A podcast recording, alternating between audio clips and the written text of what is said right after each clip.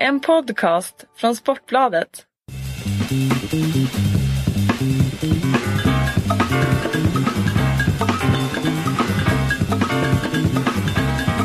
Malmö IP efter lunch och eh, Therese Sjögran, eh, du har fått i dig lite mat och eh, är redo för att snacka lite VM, eller hur? Absolut, det, det är det som stundar nu.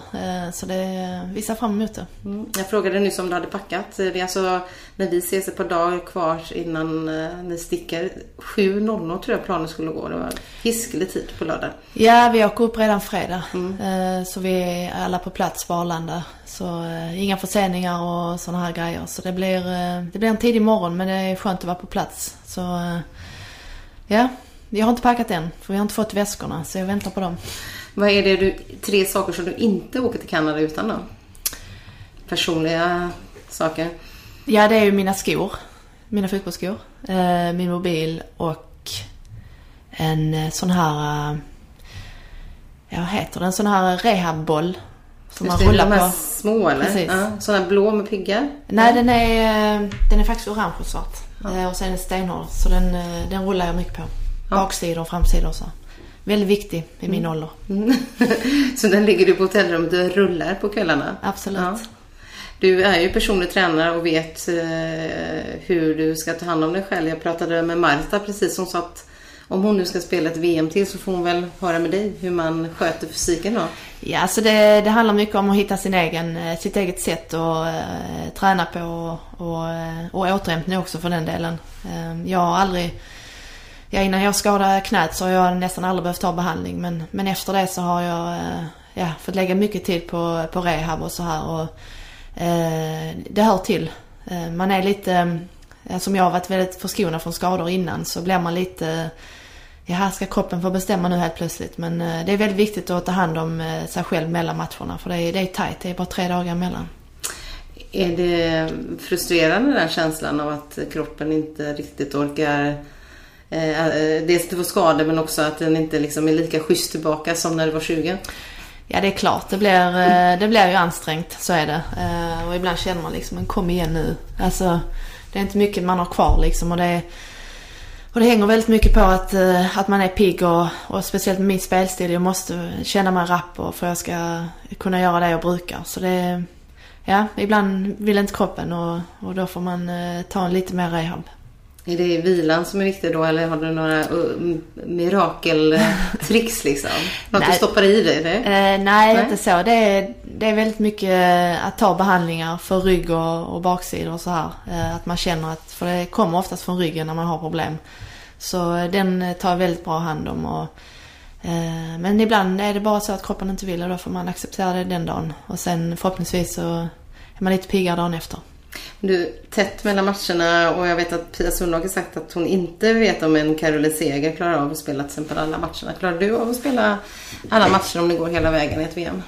Jag hoppas det. Alltså jag är ju van att spela på konstgräs och eh, jag tål väldigt, mycket träning. Så eh, eh, jag hoppas det. Sen kan ju allting hända men som det känns nu så tror jag inte det kommer bli någon problem.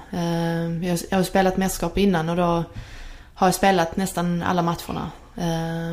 Nästan 90 minuter i alla så eh, det är jag inte så orolig för. Pia Sundhage eh, sänkte förväntningarna lite efter Hanna Folkessons skada. Alltså hon gick ju av där, eller hon gick inte av men hennes korsband smällde på sista träningsmatchen mot Danmark. Ehm, sen har Pia varit lite så här, nej men tagit tillbaka att hon eh, sänkte förväntningarna. Men, men är, hur ser du på det? Är det rimligt att kanske med tanke på, på en skada på, på Folkesson och på det sättet som ni ändå haft lite problem med så mycket insläppta mål sänker liksom er, era förväntningar och kanske våra förväntningar inför mästerskapet? Ja, jag tror eh, i alla fall först och främst har vi ju verkligen sänkt förväntningarna utifrån. Eh, från media och så vidare. För vi, okej vi spelar bra i Algarve men vi har ändå, de här två sista matcherna har ju inte varit bra. Eh, så jag tror det är ju, det är bara positivt för oss tror jag. Eh, vi är aldrig, vi är aldrig bra när vi kommer in som favoriter. Vi gjorde det i ett mästerskap, tror jag det var 2009 och vi, vi åkte ur i, i kvarten eh, mot eh, ett Norge som vi ska slå alla dagar i veckan liksom. Så jag tror det är bara bra för oss. Kanske lite så här mediestrategi helt enkelt. ja, här. precis. Nej, men Det är, det, inget, det är inget sånt där jag har uttalat liksom hemligt i gruppen att nej men nu, dissar vi oss där liksom. Nej, det är, alltså det är klart man alltid vill vinna och spela bra men jag kommer ihåg 2011 hade vi dåliga genrep då också. Och vi, eh, det var ingen som trodde på oss då heller. Och vi tog ett brons. Så jag tror eh, vi är bättre när vi slår eh, underläge och det, det gör vi verkligen nu. Ja, men det är därför jag menar ni kanske har bestämt er för att dissa lite utåt här. Ja, nej, det, det är ingenting som vi har bestämt. Eh, jag kan ändå förstå Pia lite att hon, eh, ja, blir lite osäker på var vi står och vi har fortfarande några skador med, med Dahlqvist och, och så vidare. Så vi får se. Vi, vi har två match, eller en, i alla fall en match kvar innan, innan VM börjar. Och, så vi får se hur det, hur det känns, hur det ser ut. Du, ni har under då VM-kvalet eh, försökt och utveckla anfallsspelet. Eh, bland annat ändrat spelsystem då med en släpande Caroline Seger på mittfältet och tre mittfältare framför fortfarande två forwards. Eh, och känslan är ju att ändå att ni har tagit kliv när det gäller liksom att hålla i boll, vårda boll och våga spela runt. Eh, men defensivt så har det ju inte varit så lyckat. Vad, hur ser du på det? Vad är det, vad är det som har, eh, inte har stämt och vad är problematiken i de här matcherna? Ja, alltså det som vi har haft problem med eh, i år tycker jag redan från början är att vi har släppt in så enkla mål. Och det gör ju att vi hela tiden får jobba i uppförsbacke. Och som mot Schweiz då när vi släpper in eh, två lätta mål igen. Alltså det, det kommer en dag när vi inte orkar vända. Och det var en sån match. Vi, vi kommer liksom inte till vår rätt och eh, så det måste vi fixa till. Jag gillar den spelidén eh, som vi ändrat till. Eh, där Seger får den sittande rollen och kan styra väldigt mycket. Men jag tror problemet blir, alltså alla lag har ju läst av hur vi spelar och, och Seger ska ha mycket boll och så vidare. Och så när de stänger henne så får vi lite problem. Eh, men uh, vi får se. Nu har vi ändrat till 4-4-2 och alla, är, alla har ju den spelidén i, i ryggraden. Så det, det ska vi ju klara av. Men jag hoppas ju in i det sista att vi kommer att spela med den andra. För jag gillar det. Ja, för det blir ett bättre anfallsspel. Jag tycker det. Och uh, med de spelarna som vi har i backlinjen så ska vi egentligen fixa det. Um, Fischer som är eh, liksom stark och kan vinna närkamper, glidtacklar och så vidare. Och så eh, Berglund som är jättebra med bollen. Och, eh, och så både Ruben och, och Lina som är, alltså Ruben supersnabb och Lina som är otroligt bra i passningsspel. Så det känns konstigt att vi släpper in så mycket mål för den backlinjen vi har tycker jag är bra. Um... Ja, för det har blivit också lite sådana här, som du säger, enkla mål men också lite så avslöjande mål när det har droppat ner en lång boll bakom backlinjen. Kan man bara justera det genom att vara lite lägre i utgångsposition? Ja, alltså vi vill ju hålla laget väldigt kompakt och eh, jag tycker backlinjen får ju, alltså när vi släpper in mål så är det klart de får skit. Mm. Men det är klart att vi längre upp måste sätta pressen och eh, och när vi inte gör det, det är klart att bollarna kommer bakom. Så det hänger ihop. Det är inte bara backlinjen som har fallerat utan det är försvarsspelet över hela banan som måste bli bättre. Eh, och kanske att man lär sig, våga spela upp på annat sätt än via Caroline. Alltså det, blir lite så att alla blir lite segerberoende känns det som. För man vill ha henne med i uppspelsfasen. Kan man hitta andra vägar där? Ja, alltså det är det. Vi, vi tre som spelar framför måste ju, när, när de stänger av seger, måste vi ta ett större ansvar. För då kan vi hitta seger i andra läget. Att backlinjen spelar förbi henne och sen kan vi hitta henne i, i nästa. Så när de gör det så måste vi, eh, vi framför ta ett mycket större ansvar än vad vi har gjort.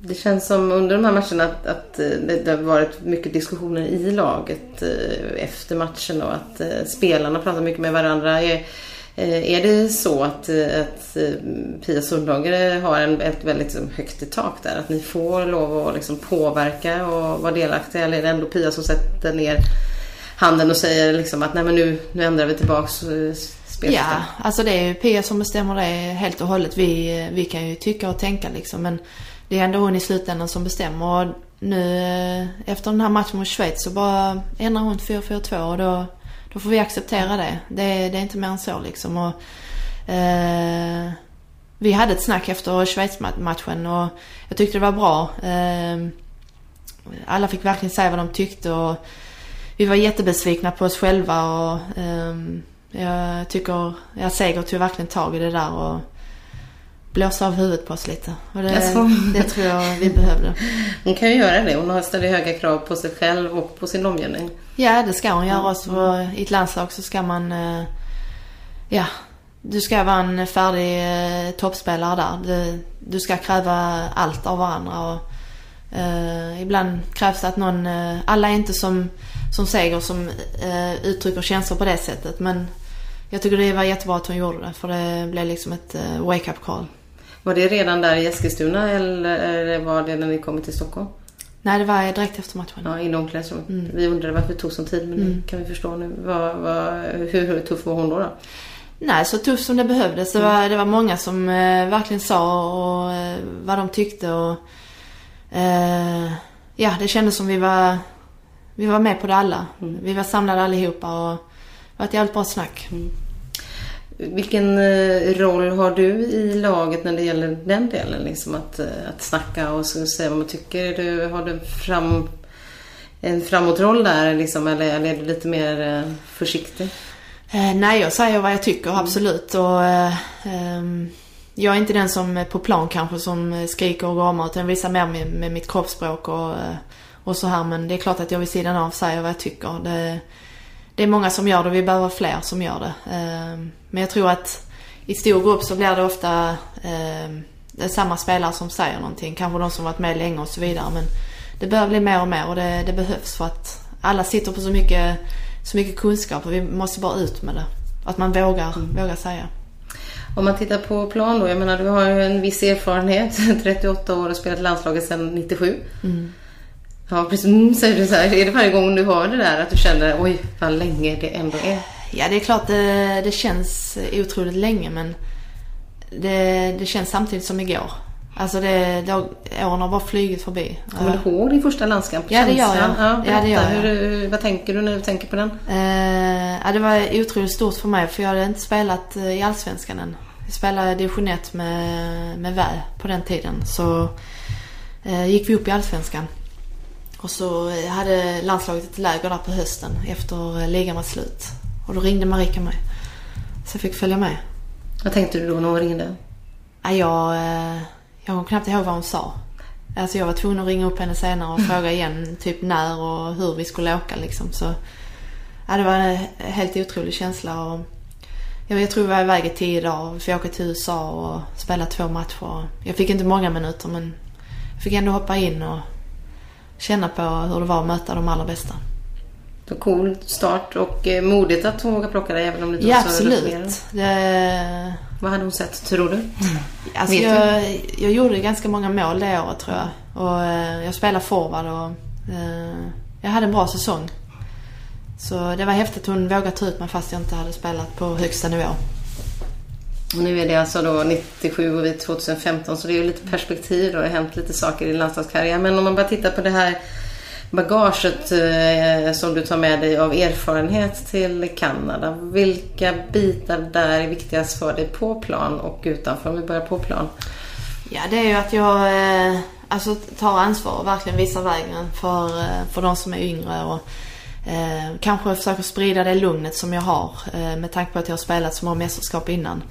Man är inte lika, eh, vad ska man säga, det är klart jag ser fram emot detta och jag det är det finaste du kan spela ett VM men man är inte lika nervös och så här längre utan jag ska försöka hjälpa de som är yngre och att de hittar eh, i alla fall lite av det lugnet som jag har.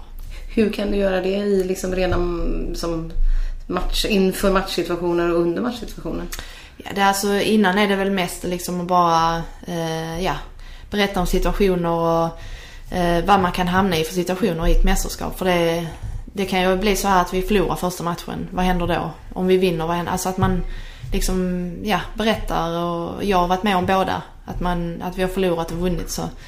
Sen på plan blir det ju mycket att jag, ja, att jag tar, eh, tar plats. Eh, vågar ha boll och eh, spelar enkelt och um, jag hittar ett, alltså ett lugn i laget. Det är svårt att förklara men när man varit med mycket så blir det Eh, ett stort ansvar och det, det känner jag. Det, men det är liksom inget som tynger mig utan det, det, ska, bli, eh, det ska bli kul. Ja precis, eh, och du åker dit för att spela fotboll också. Ja. I vilka situationer känner du att du har erfarenhet när det gäller ditt sätt att spela? För du är en bolltrygg teknisk spelare. Vad, hur, ute på plan liksom, vad, vad, är det som händer där med all den erfarenheten? Alltså jag, ja, jag är ganska bra på att bestämma tempot i matchen. Eh, det kan vara att vi har spelat på Sofia Jakobsson fyra bollar i rad. Då vet vi att det är, det är rally liksom. Rakt fram. alltså när jag får den att jag, jag verkligen behåller bollen inom laget. Att vi ja, kanske tar det lite lugnare just då och sen att vi växlar tempo igen. Så eh, ja, försöka växla tempo så mycket som möjligt.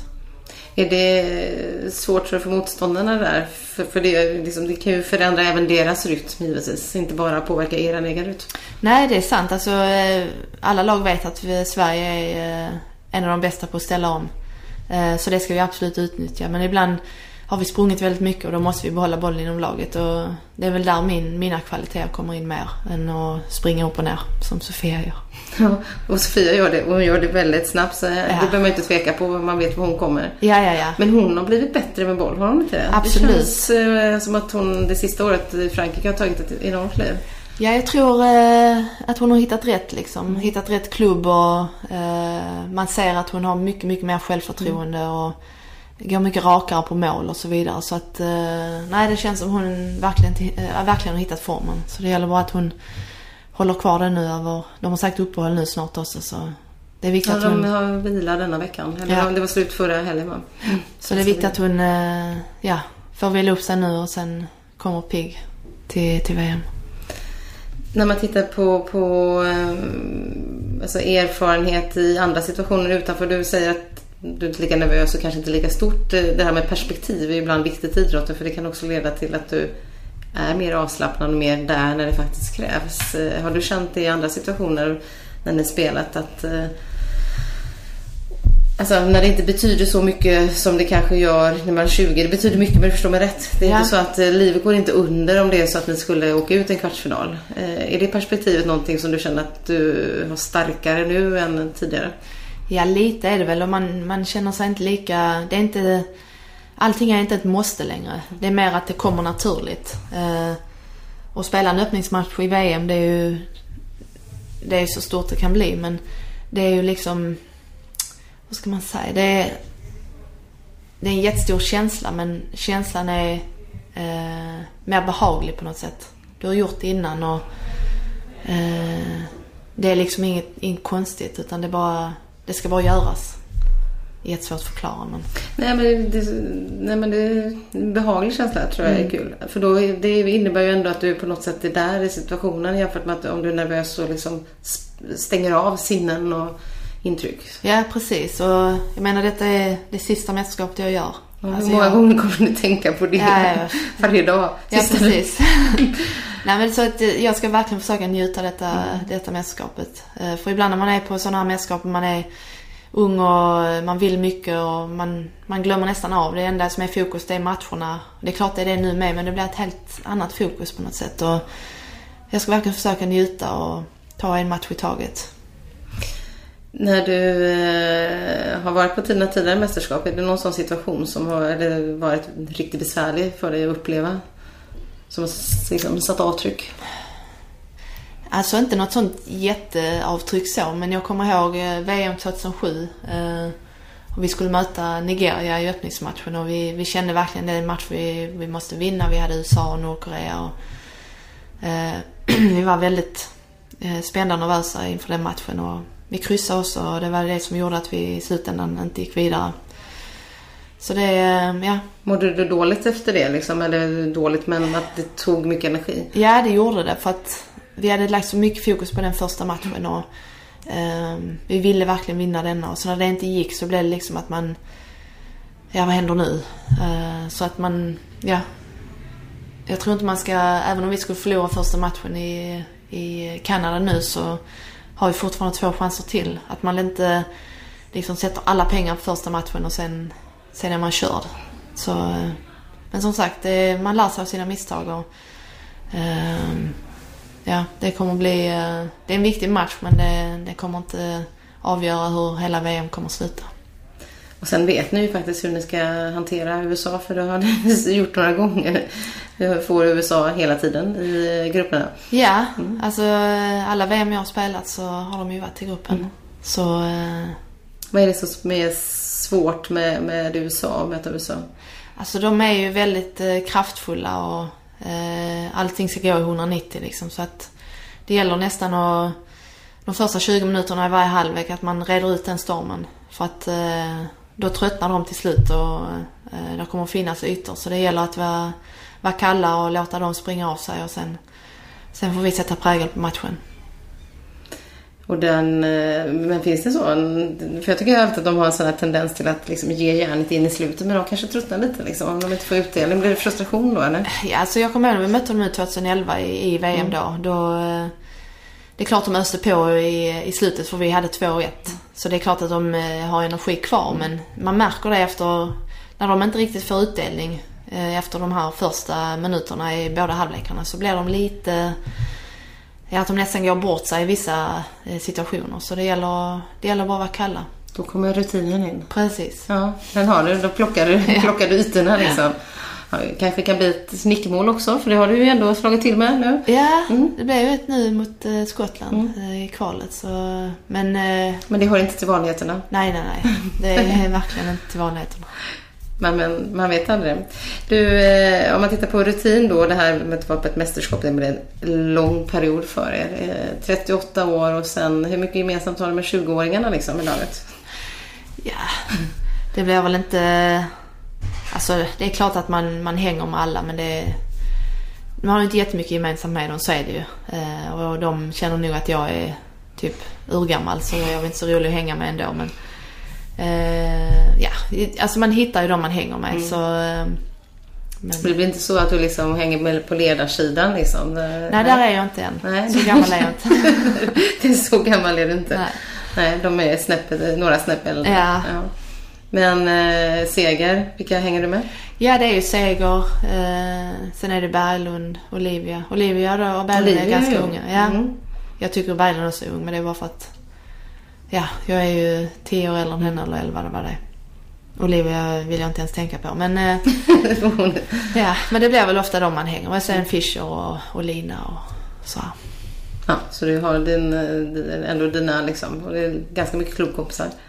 Ja, det är det ju. Mm. Eh, men det blir, alltså den fritiden man har, det, då måste man ha de som man är närmast eh, runt omkring sig. För man, det är de man slappnar av med och man måste hitta det lugnet emellan matcherna. Mm. För eh, man kan inte vara här uppe hela tiden utan det, man måste chilla också. Mm. Ja, och den tiden är ju viktig. Det kan ju vara väldigt betydelsefull under ett mästerskap. Men du får liksom aldrig så här långtråkigt. Du eller kommer ligga på hotellrummet och fundera på vilka värvningar du ska göra till Rosengård. För du är ju klart nu blivande sportchef här efter VM. Ja, det är en ny karriär så det, mm. ja, det ska bli skitkul. Alltså mycket nya utmaningar eh, i allt vad det innebär liksom. Eh, spelarrekryteringar och tränare och hitta unga talanger och, och så vidare. Så det, jag ser fram emot det men det kommer bli, eh, bli tufft. Så är det. Jag har mycket att lära.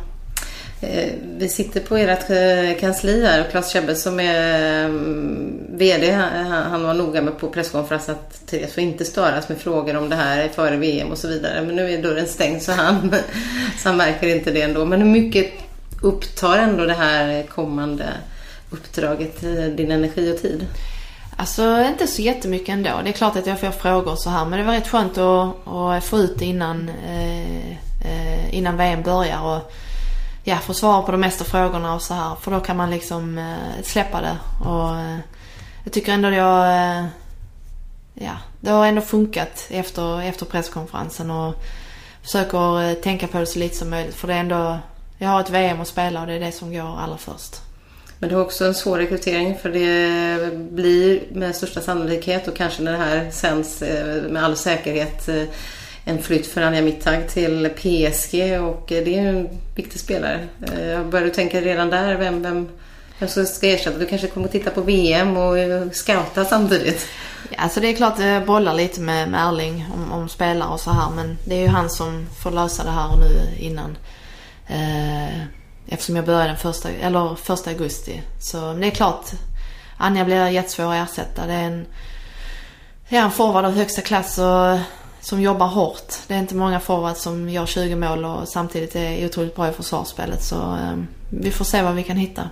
Det, det blir inte lätt. Mm. Du får ringa hem till, ifall du hittar något bort i Kanada. Precis, ja. du, när du tog det ansvaret så sa du ändå att det skulle bli väldigt kul att titta på, på unga talanger. Eh, för det är du inte ute och tittar på så mycket av naturliga skäl kanske innan då. Vad, eh, hur kommer det arbetet se ut? Kommer du vara ute på mer matcher lokalt eller hur tänker du där? Ja, det kommer det ju bli. Mm. Alltså se mycket fotboll runt omkring Malmö och jag tänkte nu är det ju U19 eh, EM eh, i, eh, i sommar också så ska jag försöka ha koll på de matcherna så mycket det går. Eh, så det kommer bli mycket sånt. Eh, för där har jag verkligen ingen koll. Som tur är så har Erling jättebra koll på våra talanger så jag får, får ta eh, till hjälp med honom där liksom. Så vi får se. Jag, det ska bli kul och det ska bli riktigt kul att se om man kan hitta någon uh, riktig supertalang. Uh, gärna här runt omkring Malmö och kanske i vår klubb redan så. Så de som finns där ute kan äta mycket havregrynsgröt efter, efter sommaren så kommer du? Precis, jag kommer sitta på många arenor runt omkring. Så mm. det, får, det ska bli riktigt kul faktiskt. För när du tittar på fotboll så tittar du mer på herrfotboll? Alltså som intresserad så eller? Ja, jag, alltså jag ser ganska mycket damfotboll mm. också. Det som går att se eh, via eh, ja, stream eller vad mm. det nu är. Men såklart blir det mycket herrfotboll eftersom det är det som visas. Så, eh, så jag har ju koll på toppfotbollen eh, på damsidan. Men, men ungdomsfotbollen den är jag lite sämre på. När du tittar på fotboll, vad, tittar du på eh, all fotboll av intresse? Är det för att du är så intresserad eller är du, är du, är du någon supporter av något lag så? Nej, det är jag faktiskt inte. Utan jag ser faktiskt den eh, fotboll som visas. Mm. Uh, och jag ser väldigt mycket fotboll. För att jag är jätteintresserad. Mm. Nästan lite nördig kan man säga. Mm. Alltså jag kan se vilken match som helst och ja, det blir liksom rogivande på något sätt. Bara ha den på i, i bakgrunden. Och, spelar ingen roll vad det är för match egentligen. Så ja, ser väldigt mycket. För det är inte helt vanligt. Jag upplever många spelare, de fotbollsspelare som jag träffat som inte ser fotboll liksom, mm. när de är lediga. Är du lite ensam om det tror du? Jag vet inte. Alltså, eh, vi är många i laget som brukar eh, alltså, träffas och mm. kolla på fotboll. Speciellt om det är så här Champions League eller, eller eh, om det är någon viktig match i damallsvenskan och så vidare. Så att det, är, det är ändå många i laget som kollar fotboll. Men eh, det är nog som du säger, det är inte alla som eh, som sitter och kollar på matcher alltså varje kväll. Men det, jag gillar det. Mm. det. Vad är det du hittar där som utvecklar dig själv liksom, som spelare? I, för, för, man lär sig rätt mycket genom att titta på fotboll. Ja absolut. Det blir mycket, jag kollar väldigt mycket detaljer. Mm. Hur en spelare till exempel tar emot en boll eller eh, flyttar en boll när motståndarna kommer i hög fart. Och sånt gillar jag att titta på. Eh, och speciellt då eh, på herrfotbollen. För de är ju Alltså, den, alltså toppen på herrfotbollen är ju lite, eh, vad ska man säga, den är så speciell. Alltså det är så, de spelarna är ju så otroligt bra så man kan lära sig väldigt mycket av dem och hur de, hur de rör sig och hur de tar löpningar och så vidare. Så det kollar jag väldigt mycket på. Är det några speciella spelare där som du... Jag gillar ju eh, Royce till exempel i Dortmund. Eh, Messi såklart. Eh, Neymar gillar jag så han, han är ju så... Eh, han gör ju aldrig någon sån superfinter men hur han drar kroppen och tar sig förbi med sin fart och det. Det är riktigt kul att se. Försöker du ta med dig något av det ut på plan själv? Ja, kanske inte snabbheten. ja, med snabbhet, ja. Nej, men det är liksom den känslan av att, att veta, alltså innan du får bollen så du vet vad du ska göra och du vet att den spelaren som kommer mot dig kommer att ta en chans. Det är den bästa känslan. Har du någon sån situation tillbaka till den? Liksom någon, någon sån... Alltså det... Jag är inte heller en sån spelare som gör massa överstegsfinter och Nej. så vidare. Utan jag är mycket... Alltså med hur jag rör min kropp och kroppsfinter och så. Så det är ingen speciell situation så. Det, det händer nästan varje, varje match. Mm. För att man, att man känner att man har det övertaget. Det är det bästa. Jag hoppas att du får det många gånger under VM. Ja. Eller hur? Eh, om man ser till eh, de mästerskap som, som du har gjort, vilket eh, vi var inne på, några situationer som har kanske präglat dig, om man säger då negativt eller satt spår så, så vad är det som har lyft dig liksom? Vilket mästerskap känner du har varit ditt, ditt allra bästa upplevelse? Eh, jag skulle nog säga 2011 nu, i, eller nu. Ja, det var ja, förra VM i Tyskland. Ehm, ja, jag tycker alltså hela laget gör en otroligt bra insats genom hela mästerskapet. Det är väl egentligen bara Japan-matchen i semin som, där vi inte kom upp i nivå. Både Fischer och Seger var ju... Eh, eh, jag tror Seger var avstängd. Eller om Fischer, nej det spelar ingen roll. Båda var borta i alla fall och vi fick ändra mycket. Seger var skadad. Hon fick gå av på uppvärmningen. Så Ändrade ni för mycket där inför matchen? Eller, Jag tycker det. Ni var ju tvungna att ändra men... men eh, jag tycker det. Mm. Det var liksom ganska eh, Eh, mycket ändringar sent inpå och, och så här. Så att... Eh, ja, men annars tycker jag det mästerskapet verkligen... Eh, eh, det är någonting som jag verkligen kommer ihåg och... Eh, jag gjorde ett bra mästerskap själv också så det, det är det som sitter mest i huvudet och det var Thomas Denneby, sen har du haft Marika och så Pia Sundhage. Vad, vad är det framförallt som hon jämfört med, med Thomas och Marika då har fört in liksom, i det här landslaget? Och vad, vad, vad ser du i hennes styrkor?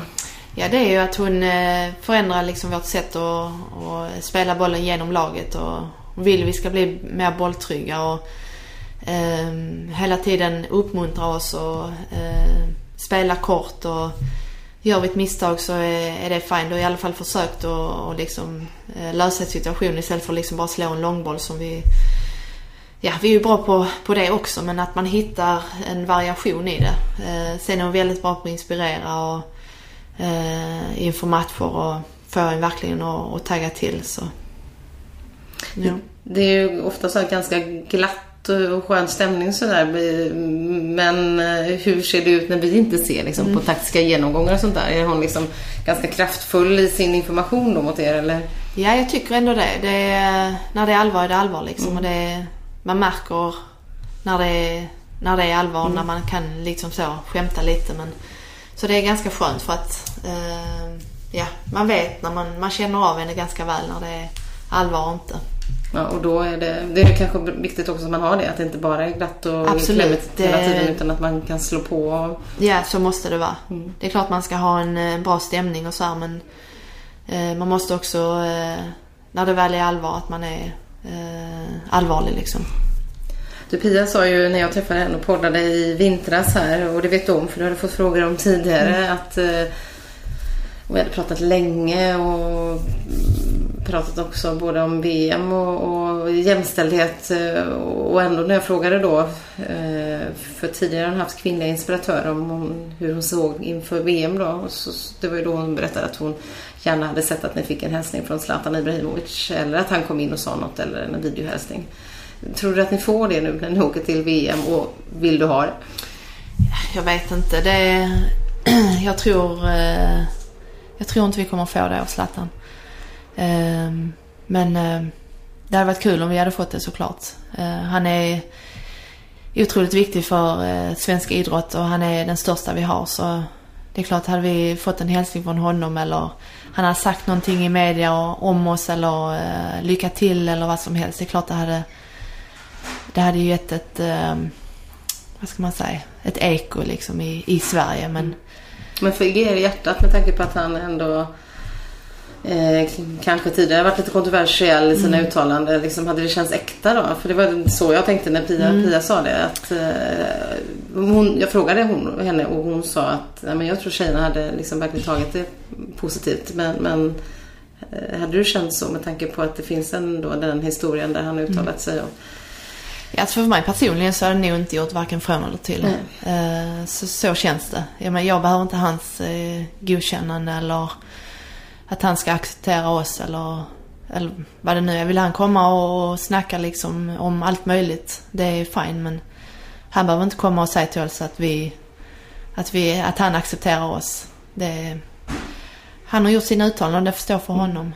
Eh, det är lite tråkigt bara för det han säger är nästan lag i Sverige så det, eh, det är lite synd hur han uttalat sig faktiskt. Är, är det, ja, och det var ju både det här med cykeln som var rent riktat mot dig som, som ändå var kanske sagt skämtsamt men, men det blev, fick ju stora proportioner. Och sen igen eh, om man tänker, för det känns ju ändå som att alltså, du har blivit försatt i den situationen som du inte har bett om egentligen två gånger på den här galan och fått på något sätt eh, ta de här diskussionerna om jämställdhet och sådär. Känns det som att det är mer verkar ju som att det rinner av dig ganska väl men att det är viktigt liksom ur perspektivet ur damfotbollen att det här landar rätt. Liksom. Är det så du ser på det? Att, att om han hade då gett er ett godkännande så hade det varit bra för, för på något sätt så hade folk uppsnappat det på ett annat sätt än det som är sagt tidigare. Ja, jag tror det. För han, eh, alltså de uttalanden han har gjort känns ju alltså bara onödiga. Och sen om det var ett skämt eller inte, det spelar egentligen ingen roll. För det kom ju helt fel läge. Eh, så hade han eh, bara sagt liksom att ja, alla är värda lika mycket, alla ska, ja, som det här med, med Anders Svensson till exempel. Han hade bara sagt att de har haft samma rekord, alla ska ha lika. Mm. Det är inte mer med det. Men så blev det ju inte.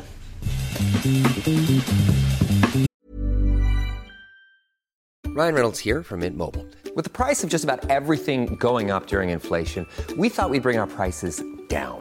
So to help us, we brought in a reverse auctioneer, which is apparently a thing. Mint Mobile unlimited premium wireless. Ready to get 30, 30, bit to get 30, bit to get 20, 20, 20, bit to get 20, 20, bit to get 15, 15, 15, 15 just 15 bucks a month. So, Give it a try at mintmobile.com/switch. slash $45 up front for 3 months plus taxes and fees. Promo rate for new customers for limited time. Unlimited more than 40 gigabytes per month slows. Full terms at mintmobile.com.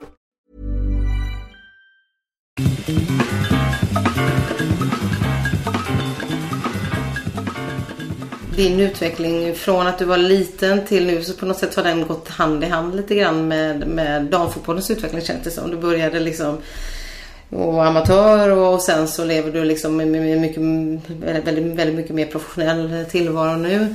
Eh, om man ser på den utvecklingen, eh, vad är det som, som har betytt mest för dig? Så att säga? Är det liksom att förhållandena förändras eller är det synen på damfotbollen, att den har förändrats? Ja, det är nog både och. Alltså vi, jag är med, alltså mitt första år i Allsvenskan så tjänar jag inte en krona. Alltså jag jobbar 100 procent. Mm. Vad jobbade du med då? Kommer inte ihåg. Uh, jag var, det var i Kristianstad spelade jag då. Mm. Då jobbade jag på något uh, textilföretag på deras ekonomiavdelning. Uh, väldigt spännande. Ja, precis. Men du är ekonom? Ja, det är ja. Mm. Så det, alla mina jobb har ju typ varit kontorsarbete. Mm. administration, fakturering och så vidare. Så, Eh, så det har ju varit kul att liksom, eh, alltså få följa hela den. Liksom, jag gick ner till 75%, 50% och sen eh, heltidsproffs. Så jag har ju gått hela den långa vägen. Mm. Så det, det ser jag ju som ett, eh, att fotbollen ändå har tagit de kliven. Och att vi kan verkligen spela fotboll på heltid och behöver inte ha något jobb vid sidan. Och det, det tycker jag är otroligt viktigt. Då får man de fysiologiska förutsättningarna liksom för och ekonomiska förutsättningar för att eh, också bli en professionell spelare liksom, med, med bra ja. fysik och... Precis, och du kan lägga all din fokus och tid på, eh, på det som egentligen är ditt jobb. Mm. Ditt jobb är fotbollsspelare och eh, är du på den högsta nivån så ska du kunna leva på det. Tycker jag. Eh, för så har det varit på här sidan i alla år. Så. Men är det helt självklart att det, eh, för dig att det, att det skulle bli så på damsidan? Nej, det är ändå inte en lång period om man ser det ett historiskt perspektiv. Ja, nej, det är klart att man när man var, var mitt i det då, när man jobbar 100% och tränar eh, lika mycket, att man, man inte riktigt såg att det skulle bli så. Men eh, det, jag tycker det är skithäftigt att vi är på rätt väg och det är fortfarande stora skillnader med herrfotbollen men vi är i alla fall på rätt väg. Du, det här man jämför hela tiden med herrfotbollen. Hur, hur bra är det för damfotbollen egentligen? För det blir ju lätt så. Många gör det. Ja, eh, såklart är det ju eh, ingen bra jämförelse egentligen. För att eh, det är ingen som, det är ingen som jämför här och de spelar i tennis eller i höjdhopp eller vad som helst. Men det är så lätt att göra det på fotbollen och jag... Ja, det är klart det blir... Det är synd för det är liksom... Det är två olika grejer. Men varför blir det så då? Ja, jag vet inte. Nej. Alltså det, jag, inte, jag förstår inte varför det är så enkelt att jämföra oss när de inte jämför någon annans idrott. Jag, jag vet inte. Är det lagidrotterna? För handbollen är ju inte riktigt sån. Dam och herrhandboll till exempel. Eller basket. Kanske ishockeyn. Ja, kanske. Jag vet, jag vet faktiskt inte varför det är så lätt, just den idrotten. Kan det vara för att fotbollen är en sport som många ans, liksom, pysslar med själva liksom, på, på, olika nivåer? Att det är någonting som man anser sig ha rätt att eh, kunna? Ja, kanske. Jag skulle verkligen vilja veta. Alltså vad är det som gör att det är så lätt att jämföra här och damfotboll? Hur trött är du på den jämförelsen? Mycket. alltså man får ju höra den, ja, nästan varje dag. Vad är, det, vad är det värsta du hör där? Vad är det som liksom triggar igång dig? Nej, det är, väl, alltså, det är väl inget så som man liksom går igång på mer eller mindre. Det är bara alltså, alla kommentarer runt omkring och eh, att det ska jämföras hit och dit hela tiden. Det är mest den grejen man är trött på. Är det att man jämför på hur ni är på plan, alltså spelmässigt? Ja, det är både och. och eh, ja, till exempel om vi, eh, om vi vinner SM-guld här så är det inte lika mycket värt om, om MFF skulle vinna SM-guld. Varför inte? Alltså, varför? Är det för att eh, vi är damfotboll då eller att de är herrfotboll och ändå jämförs vi? Alltså vad är... Ja, men vem som säger det? Folk liksom? Ja, gängs- folk. Ja, ja, i gängse uppfattningen. Jag vet inte. Det är, jag har så svårt för att förstå det faktiskt. När man har, när man har då liksom den, den synen som, som ofta uppstår. Eh, ur det perspektivet, eh, hur, hur ser du på då alla de här händelserna som har varit liksom i samband med galorna där, där man eh, kan förvänta sig att förbundet ändå har ett jämställt perspektiv? Eh, är det därför tror du också att det blir så enormt starka reaktioner? Att man förväntar sig ändå att just där ska det vara jämlikt? Men, men så blir det inte det. Ja, absolut kan det vara det. Alltså jag menar, eh, det är som du säger, förbundet borde ju eh, vara så jämställt det bara går. Tycker jag. Eh, nu har de ju gjort rätt för sig så jag ska inte sitta och klanka ner på dem nu för de har ju verkligen eh, alltså gjort rätt för sig efteråt. Mot dig ja. De, Ja. har, de har ersatt dig med samma summa som, som Anders. Ja. Har du bokat din resa till Nej, det har jag- Maldiverna? Nej, det har jag inte. För då har du berättat. Det kan Ja, bli en precis. sån. Ja. Nej men det är klart att de, eh, de tänkte nog inte till där. Eh, och det, det blev väldigt stort. Det blev det. Har det tagit... eh, Liksom, har, det, har det satt sig känslomässigt för dig? Just de bitarna att, att du blev liksom föremål för det här. För någonstans har du sagt flera gånger att nej men jag bad inte om det här. Mm. Liksom. Vill, Ja, det är klart att det, det har ju tagit lite tid och energi såklart. Det har det gjort. Men som du sa innan, jag är ganska bra på eh, ja, att det bara rinner av mig. Och jag, det måste man göra. Man kan inte bli eh, bitter i en sån här situation. För det är, som sagt, jag har inte satt mig själv i den här situationen. Jag har slått rekord och eh, det är inte mer med det.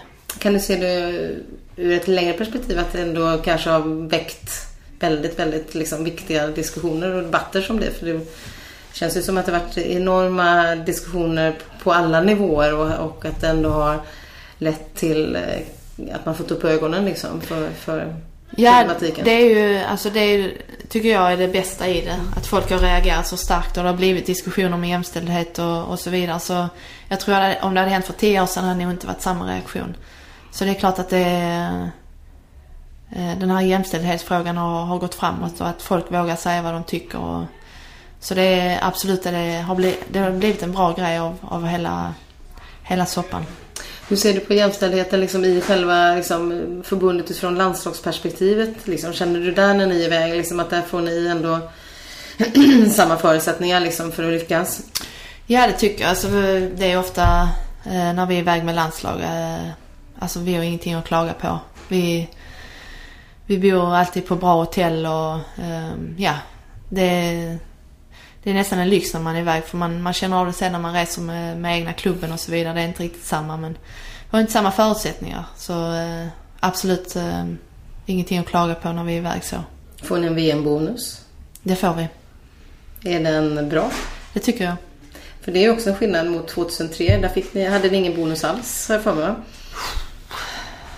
Kommer inte tio ihåg. år, nej, men, och jag vet att även 2008, då var det i och för sig OS, det är skillnad om det är SOK. Ja, OS är annorlunda. Ja, men eh, det har ändå skett en stor skillnad där på de senaste mästerskapen. Nu kommer jag inte ihåg 2011 idag, där fick ni bonus. Ja, det fick vi. Eh, absolut har det blivit eh, mycket bättre. Så eh, ja, vi har ju eh, förhandlat fram den här bonusen själva. Så vi är nöjda. Ni är bra förhandlare. Du ska ju bli sportchef. Du Ja, måste vara precis. skitduktig på det. Ja, alltså som tur är så behöver jag inte sitta i de förhandlingarna men eh, det, det är bra.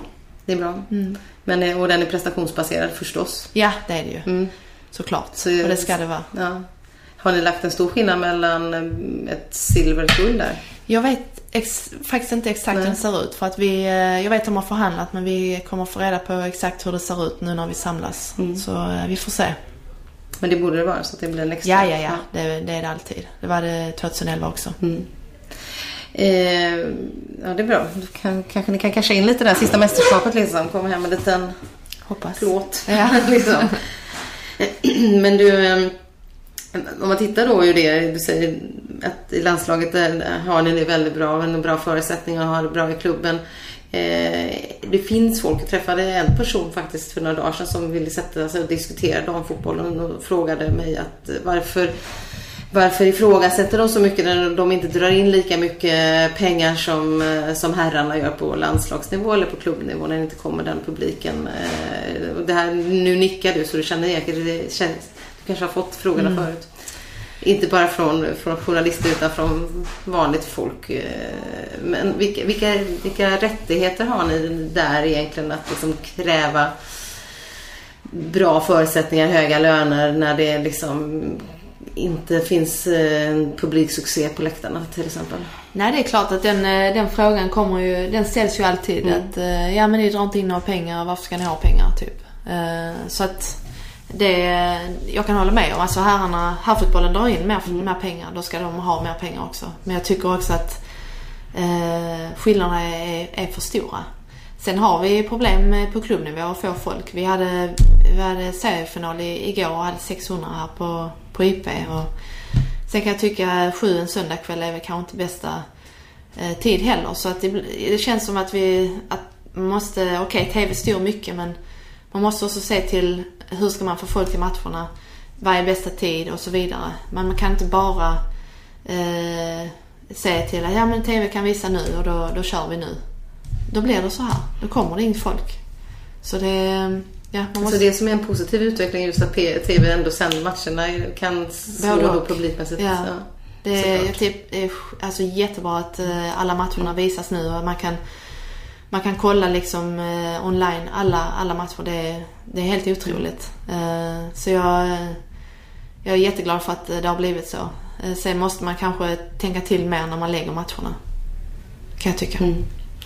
Eh, men för att återgå där till frågan vilka, vilka, vilka rätter, liksom, vad, vad är gränsen där? Är det att ni ska ha lite mer utav kakan och kanske då framförallt kopplat till Svenska förbundet och Uefa som, som man kan tycka har ett ansvar då mer än kanske Ja, alltså om man ser till eh, Champions League till mm. exempel. De skillnaderna, är ju, det är ju, det är ju löjligt. Att herrarna ska ha 99 procent, 99, någonting. Alltså jag, jag, jag förstår att herrarna ska ha mer. Det, det säger ingenting om. Men den fördelningen, den är orimlig. Mm. Vi går minus när vi spelar Champions League. Det är det finaste du kan spela som, eh, som klubblag. Och så ska man inte ens gå runt på det. Mm. Det är en konstig ekvation ja. givetvis. Eh, jag pratade lite grann med Karl-Erik Nilsson som ordförande i Svenska Fotbollförbundet där om det där han, sa på Allsvenska upptaktsträffen att eh, på vårens möte här så ska de, för ni har ju i klubben lyft den frågan, Claes är ju duktig på det. Mm. Eh, men att, att han också från, från sin sida liksom försöker påverka de stora förbunden mer när han, när han är iväg och tillsammans kanske med de andra nordiska länderna. Eh, gör de tillräckligt där tror du och är, liksom, räcker det någonstans mot de starka liksom, nationsförbunden? Alltså jag hoppas det för man måste ju börja någonstans och att eh, Claes som är vår VD som verkligen brinner för detta och tar de frågorna och, och eh, ställer krav och så vidare. Alltså vi måste ju börja där.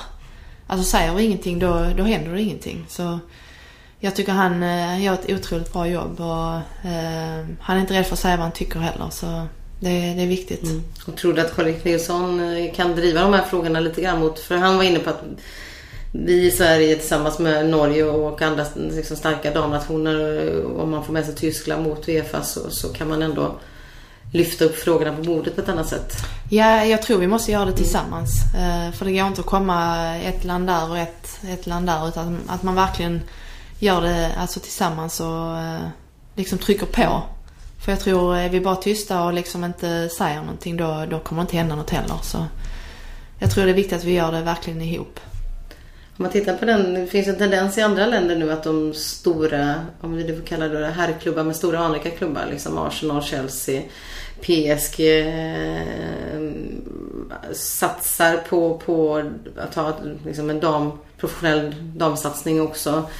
Eh, där det också finns krav från vissa sponsorer att har du inte den satsningen så går vi inte in med och pumpar in pengar i här Mm. laget. Så hur viktig är den? Att, att det kommer från, inte från klubbarna själva bara utan faktiskt utifrån att sponsorerna sätter de kraven. Jo, det är alltså jätteviktigt. Eh, och jag tror att eh, fler och fler lag får de här kraven på sig. Och att de här storlagen, som du sa med, ja vi har nu på, i England till exempel med Manchester City och eh, Chelsea och de här lagen, att de börjar satsa. Eh, jag tror att då eh, kommer nog bli lite problem för de svenska klubbarna också. Eh, och behålla eh, alla superstars. För går ett herrlag in och verkligen satsar på, eh, på damsidan i de stora klubbarna då, då har vi inte mycket att sätta emot. Då gäller det att MFF går tillbaka till det de hade innan. IFK Göteborg till exempel som inte har en damsektion på det sättet. Liksom ingen Elfsborg, jag vet vad jag har pratat med. AIK Hammarby däremot, de har ju Ja, de har har ju det. gemensamt. Ja, och de får ju också med sig, jag bara, jag bara tänker man får med sig en publik som redan Ja. finns. Alltså Ja. som, som, som, som håller på klubben, som, som har ett hjärta. Ja, det är, jag, jag håller med. Alltså, det, jag, jag tycker det borde vara ett krav att man har en eh, dam och, och flicksida eh, i de stora klubbarna. För det är... Ja, det, jag tycker det är ett måste. Det kanske man skulle kunna sätta in i elitlicensen. Ja, nästan. Mm. Ja. Du kanske kommer hamna på en sån här sportchefsmöte sen och får driva frågorna mot Ja. förbundet då. ja, alltså jag tycker det är, det är ändå 2015. Det borde vara, borde vara lag. Och just det här att man... Eh, jag vet när jag spelade handboll när jag var yngre så, så fick vi helt plötsligt skulle vi vara med Västra Frölunda som då var en stor klubb och vann SM-guld på här sidan. Vi skulle vara deras första tjejlag. Och det lät ju jättebra liksom. Sen eh, ett halvår senare så åkte killarna som var lika gamla till, till Jugoslavien på träningsläger och vi åkte utanför Göteborg och sprang på en plan liksom. Eh, Sådana här konditionstester. Då kände man ju så här att det blev inte någonting med det. Det blev lite pannkaka och det kändes skönt att hamna i en damklubb då som liksom, där man kände att här är jag hemma, här finns det folk som tror på oss. Eh, kan du känna så också när ni ändå gjort era satsning och, och gick loss från MFF? Eller gick loss, ni fick inte vara kvar. Eller hur? Vi gick Nej, inte frivilligt. Nej, det gjorde vi inte. Nej, men, men att, att, att för, för om man ska vara i till exempel IFK Göteborg eller Malmö FF då måste det ju vara på riktigt liksom så man verkligen känner sig välkomna. Är det då en förändring hos klubbledningen liksom för att ni ska kunna känna er lika hemma som ni gör här, lika värdefulla liksom? Ja, jag tror det måste vara en... Eh, alltså att det ska vara eh, ömsesidigt. Alltså eh, liksom att... Ja, nu, nu ska vi ha en, eh, en damsektion och det ska vara på lika villkor. Eh, och jag tror att... Eh, egentligen när vi eh, inte fick vara kvar i, eh, under MFF så... Vi fick ju vår egen identitet i stan. Och eh, jag tror det var jätteviktigt just då att vi eh, fick vår egen, eh, ja, eget klubbmärke och så vidare. Att vi kunde synas på ett annat sätt. För vi var verkligen under herrarna där. Vi var liksom bara en, vad ska man säga, en avdelning som kostar pengar. Och, och då, det är klart att det blir liksom så lite åt sidan. För jag tror att skulle det vara, eh, om vi skulle kanske slå ihop våra klubbar idag till exempel, då tror jag det varit på, li, på lite mer lika villkor. Eh, för det, vi har verkligen jobbat fram ett, ett, eh, ett varumärke nu som är väldigt starkt. Så jag tror det hade blivit lite annorlunda idag. För man vill ju ändå att små tjejer som växer upp, nu kan ju då FC Rosengård vara ett, där vill jag spela liksom. Men det finns ju också många som växer upp med föräldrar som har ett väldigt starkt MFF-hjärta eller Blåvitt hjärta liksom. Och att det vore en självklarhet för de unga tjejerna att känna att ja, men jag en dag vill jag bära den himmelsblå tröjan Ja. liksom. Ja, jag var ju likadan när jag var liten. Jag visste att jag skulle spela i MFF en dag. Och eh, få spela i ljusblått och jag, MFF är ett jättestarkt varumärke och eh, för mig som liten var det ju, ja, det var ju som en dröm. Eh, så det är klart att det är kanske lite lättare att drömma om, eh, alltså när jag var ung, om, om MFF eller eh, istället för Rosengård. Det är inte riktigt lika starkt. Men idag är det ju, jag tror med de profilerna vi har i laget idag med, med Marta, Mm, Ramona mm, det. och, och så här, Det blir en annan grej och det är klart att det är många som vill spela i samma lag som Marta. Ja, och det gör du. Ja. Ett tag till. Ja. Du var inne på din uppväxt där. Hur, hur skulle du beskriva din uppväxt? Ja, alltså växte upp väldigt eh, skyddad i, små byar runt omkring. Eh, Sandby, Harlösa, Veberöd. Så eh, ja, vad ska man säga? Det har varit väldigt... Eh, det mesta har handlat om fotboll. Jag började spela när jag var sex år gammal och eh, hängde på kompisar och, och så vidare. Och sen flyttade vi då till, till Veberöd efter, ja, typ när jag var 11 och så här. Det var väl då det riktigt började på allvar. Jag hade en tränare som eh, var med i, i, lite inom Skånefotbollen och, och så. Så ja, han, han såg mig från början och det är väl han som verkligen pushar mig liksom. Men du spelade ju med killarna var yngre också som många tjejer har gjort eller? Ja, det gjorde jag. Eh, fram till jag var kanske 11 när vi flyttade ifrån eh, Harlösa då. Eh, och sen var det bara, bara tjejfotboll efter det. Och du har bröder? Ja, jag har två, eller jag har tre bröder. Eh, två hela och en halv. Hur mycket har, är, de äldre eller yngre? De är yngre alla faktiskt. De är yngre så det är Ja. stora syster. Det är klart att det blir, ja. Är du stora syster? Typ alltså. Inte så. Det känns som... Eh, min ena bror han är sju år yngre än mig. Det känns ibland som han är den äldsta av oss på något sätt. Eh, ja, det känns som han är den, den trygga punkten eh, av, oss, av oss fyra då. Och då har du inte, det har, jag har tre söner där ser man ju att de tävlar ju oavsett ålder väldigt mycket. Har du upplevt att du har gjort, haft den miljön också eller är det bara för att du var stora syster så har du liksom inte behövt... eh, Ja, jag har nu aldrig behövt ta den fighten. Nej. Det har varit värre mellan eh, eh, mina andra två bröder då som är... Eh, ja, det är fem år mellan dem. Det känns som de har tävlat mer. Eh, så jag har väl mest stått bredvid och tittat på när de har, när de har bråkat. Ja, du har inte behövt liksom, för det kan ju också vara annars vara utvecklande rent sport, sport, sportsligt sådär om man... eh, Ja, det är klart vi har, vi har tävlat och, vi, och så här men ja, jag har ändå varit den äldsta så jag har lite fått eh, ja, eh, medla mellan dem istället. Men eh, Spelar de fotboll också? ja, de gjorde det när de var yngre. Så det är liksom fotbollsfamilj på riktigt? Ja, det kan man säga. Men sen den ena skadade sig och, och den yngsta bara, bara sluta och börja spela data istället. Det är stillasittande, gillar inte personliga tränare. Nej, Nej. ska få igång dem nu. Ja. Jag har inte haft riktigt haft tid. Eh, ja, att träna med familjen på det sättet eftersom jag har haft fotboll och så vidare. Men nu efter karriärens slut så ska jag... Då, eh, då kan de inte gömma sig längre. Nej, då ska du vara på dem. Du, om man tittar på, på, du är en förebild där som håller på länge och det finns internationellt också fler eh, spelare som, som, som kör eh, längre än vad man tror jag gjorde tidigare i sina karriärer uppåt 36, 37, 38. Eh, många tjejer har lagt av ganska tidigt tidigare. Eh, hur viktigt tror du att man visar, att ni visar liksom, att det går att hålla på länge? Alltså det, jag menar, om man ser på de som är unga idag. eh, De tränar ju så mycket mer än vad jag gjorde när jag var i den åldern. Kanske de som är 18-19 nu. När jag var i den åldern tränade jag fyra pass i veckan. Eh, ingen styrka, inget sånt. Man körde kanske, man skulle köra sån här aerobics och sånt på den tiden. Eller spinning och sånt. Jättetråkigt. Men eh, så att jag kan förstå de, de som är unga idag att de inte håller på lika länge. För att de tränar så otroligt mycket redan nu. Så de kommer säkert vara trötta på det tidigare än vad, vad jag tröttnar. Ja, du menar så att Ja. den... eh, Att det sliter på dem för mycket redan nu. Eh, Så det, det kommer nog inte vara många som fortsätter så länge som jag har hållit på. För att, eh, ja, jag gled ju nästan i den åldern. Jag tränar, man tränar ju knappt ingenting. Du levde på talangen. Ja, typ. Ja. Ja, det är klart att du kommer den utvecklingen kanske Ja. också lite senare. Men många, många kvinnor eller som, som idrottar eh, slutar ju ofta på grund av att de vill skaffa familj och skaffa barn. Eh, Hur har du resonerat där? Har du, för det är ju inte så lätt att göra om man ska, om man ska spela fotboll för då blir man ju i alla fall borta en säsong. Nej, så är det ju. Jag... eh, Ja, alltså jag... När jag var ung så kände jag aldrig liksom att... Eh, jag har aldrig, haft den här naturliga längtan efter barn. Eh, den har kommit lite nu på senare år men eh, det har hela tiden varit att karriären har gått före.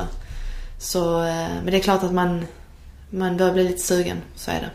Ja, och 38 då börjar Ja, jag det också. börjar bli riktigt tajt. ja, fast det är ju ingen fara än. Men vad säger man, klockan liksom Ja, jag tickar på lite vet. Ja, och du har Ja. känt en skillnad där de senaste åren? Ja, det har jag faktiskt. För mina syskon har ju fått eh, eh, barn. Så jag Mm. har många brors eh, barn liksom. Och det, jag gillar att, att, att träffa dem och, och så vidare. Så det är klart att man har börjat känna att det hade varit kul att ha eh, ett eget. Är du orolig för det? Att, att du har liksom eh, på något sätt låtit karriären ta, ta den platsen av naturliga skäl för du har velat det? Att, att, att det blir för sent liksom? Nej, jag är inte... eh, Som sagt, jag... eh, Det är klart jag ibland skulle vilja ha barn och sen ibland bara nej. Nej. Alltså jag är fortfarande där. Mm. Jag tror aldrig jag kommer bli riktigt redo för barn. Utan det... Blir det så blir det. Mm. Eh, och blir det inte så får jag sno en av brorsornas. Du får låna. Ja. Precis. Ja, ja, men då vet man inte. Det kanske det, det, nu finns det ju ett annat utrymme ändå i, Ja. din, i ditt liv. Om man Ja. säger så. Du behöver inte ta de fysiska hänsynen liksom, eh, Precis. framöver. Så att, eh, vi inte förvånade i så fall om det skulle bli. Men, men vi får väl återkomma i frågan tror jag. Absolut. Vi släpper, vi släpper den här. Men är du, är du, eh, för en del gillar ju inte heller att leka med barn. Men det verkar du ändå göra. Med Ja, absolut. Ja. Jag tror till och med någon gång när jag ringde att det var någon där. Ja. Ja. Ja, absolut. Jag gillar att, att hänga med, Mm. med brorsornas barn. Och, men samtidigt är det skönt att åka hem efter några timmar. ja, Så eh, det, det är både och. Man kan låna och sen lämna tillbaka. Spelar du fotboll med dem då eller vad gör du? Ja, det blir massa aktiviteter. Där är eh, brorsans ena, han är nio år. Han är helt galen i fotboll. Så det blir mycket sånt eh, med honom. Men eh, de andra har inte riktigt tagit fotbollen till sig än. Så jag får se hur mycket jag kan eh, tvinga dem. Tvinga dem rätt. Du, när du ändå då eh, kommer kanske få lite mer tid än vad du har när du är fotbollsspelare. Eh, finns det andra saker som, som har fått stå tillbaka i ditt liv som du känner att det här ska jag... Ja, Det är faktiskt mycket eh, familjen som eh, jag har... Jag känner att jag inte haft tid. Jag har missat många, många ja, födelsedagar eller vad det nu än har varit. Så jag ska verkligen ja, ta tillbaka den tiden med, med familjen och eh, försöka åka på så mycket grejer som möjligt. De har ju varit, jag vet inte hur många matcher. De har alltid varit stöttat mig så nu, nu får jag ge tillbaka.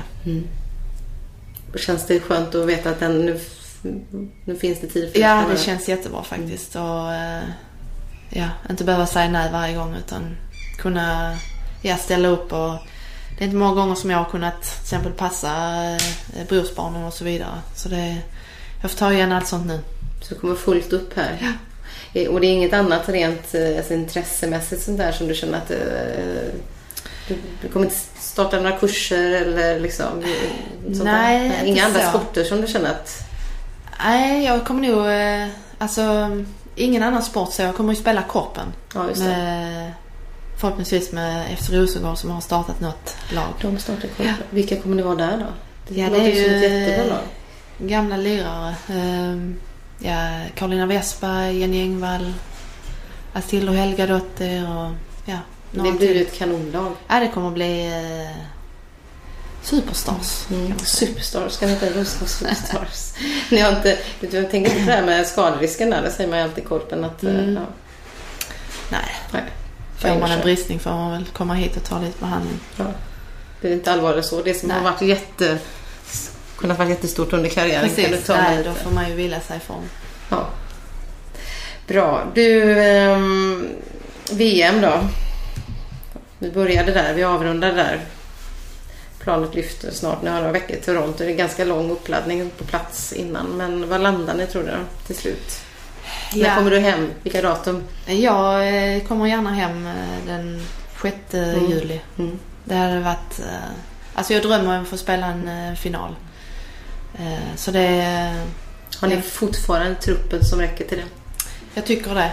Eh, Vi har, eh, vi har en väldigt bra centrallinje och får vi bara behålla alla de vi har nu friska så, och vi får flyt så kan vi gå hela vägen. Och då ska ni hyllas var någonstans? Jag vet inte vad det blir Nej. men eh, ta gärna en liten hyllning innan, innan semestern. Och kanske en, en slutligen på fotbollsskalan. Tack för karriären. Men du kanske inte är med där till hösten. Det har du inte ens tänkt på. Ehm, nej, det blir nog inte så många fotbollsskalor. Hur firar du sist? Eller det blir inga mer fotbollsskalor? Är det så? Inte som det känns nu. Nej. Men skulle vi vinna ett VM-guld då kan jag tänka mig att ställa upp. Då kommer du. Yes. Bra. Vi avrundar där. Stort tack. Lycka till. Tack så mycket.